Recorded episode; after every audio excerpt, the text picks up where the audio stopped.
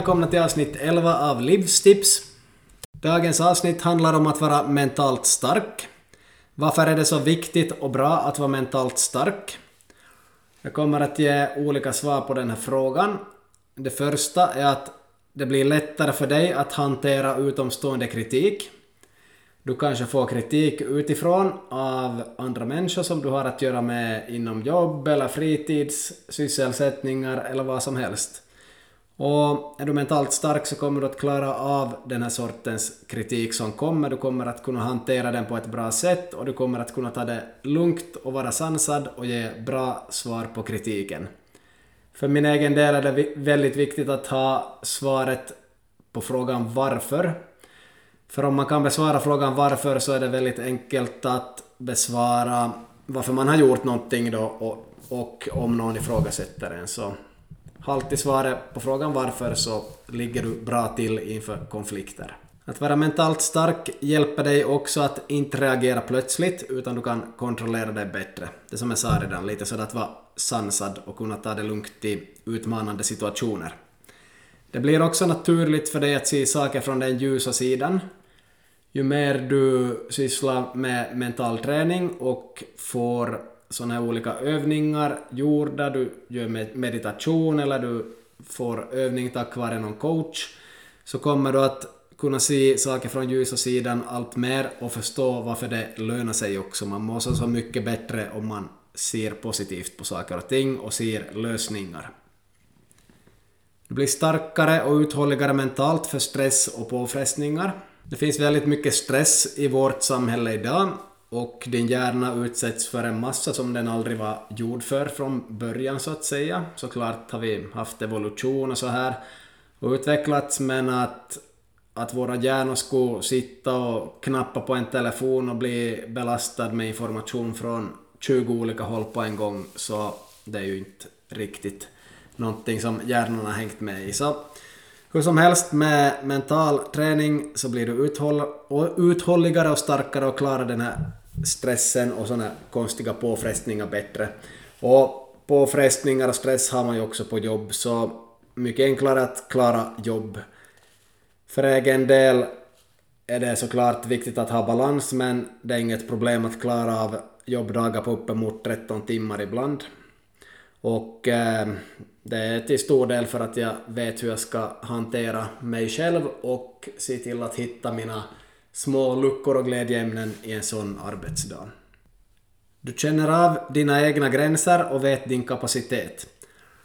Ju mer mental träning du gör och sysslar med och får öva i situationer som kanske en coach ger dig så desto mer vet du om dina egna gränser. Du vet och ser sådana här olika kännetecken hos dig själv som visar att nu mår jag inte så bra som jag borde och så här kan jag inte hålla på i längden. För egen del kan det vara till exempel att jag inte tränar på några dagar och att jag är på dåligt humör och att jag hela tiden är trött. Det uppstod en gång i november då jag jobbade stenhårt flera dagar i rad och dessutom körde mycket bil långa sträckor till och från jobbet så ja, då behövde jag göra en ändring och det gjorde jag ganska snabbt. Tack vare bra människor på mitt jobb så kunde jag göra en snabb ändring och nästan omedelbart ändra på situationen.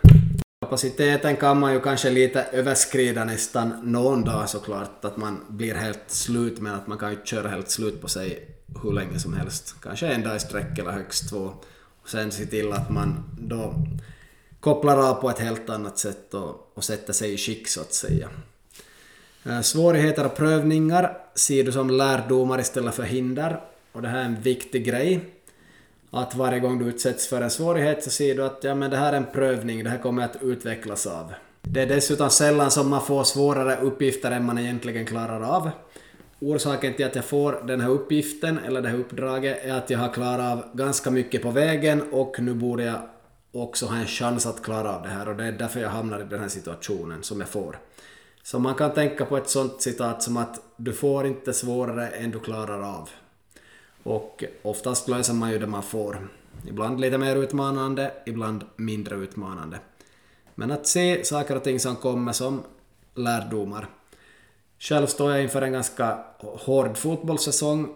Det är höga mål och chansen att lyckas är inte jättehög, eller den kan vara det. Svårt att veta på förhand, så det är en prövning helt klart.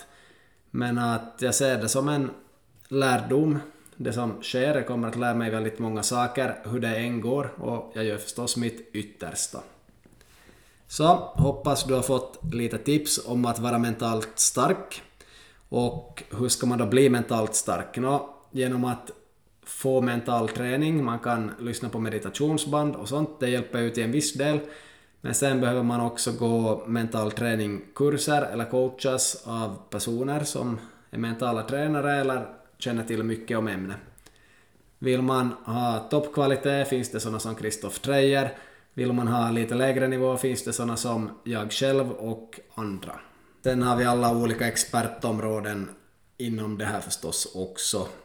De som är högt utbildade och utbildar oss andra så de är förstås någon sorts experter inom nästan alla områden men att eh, just till exempel bollsporter kan man ju använda mental träning på ett visst sätt tycker jag åtminstone och där kanske vissa är mer experter och inom jobb kanske någon är mer expert och inom styrketräning och sånt kanske någon är mer expert. Men de som är högsta utbildarna så de har nog koll på alla de här olika områdena faktiskt.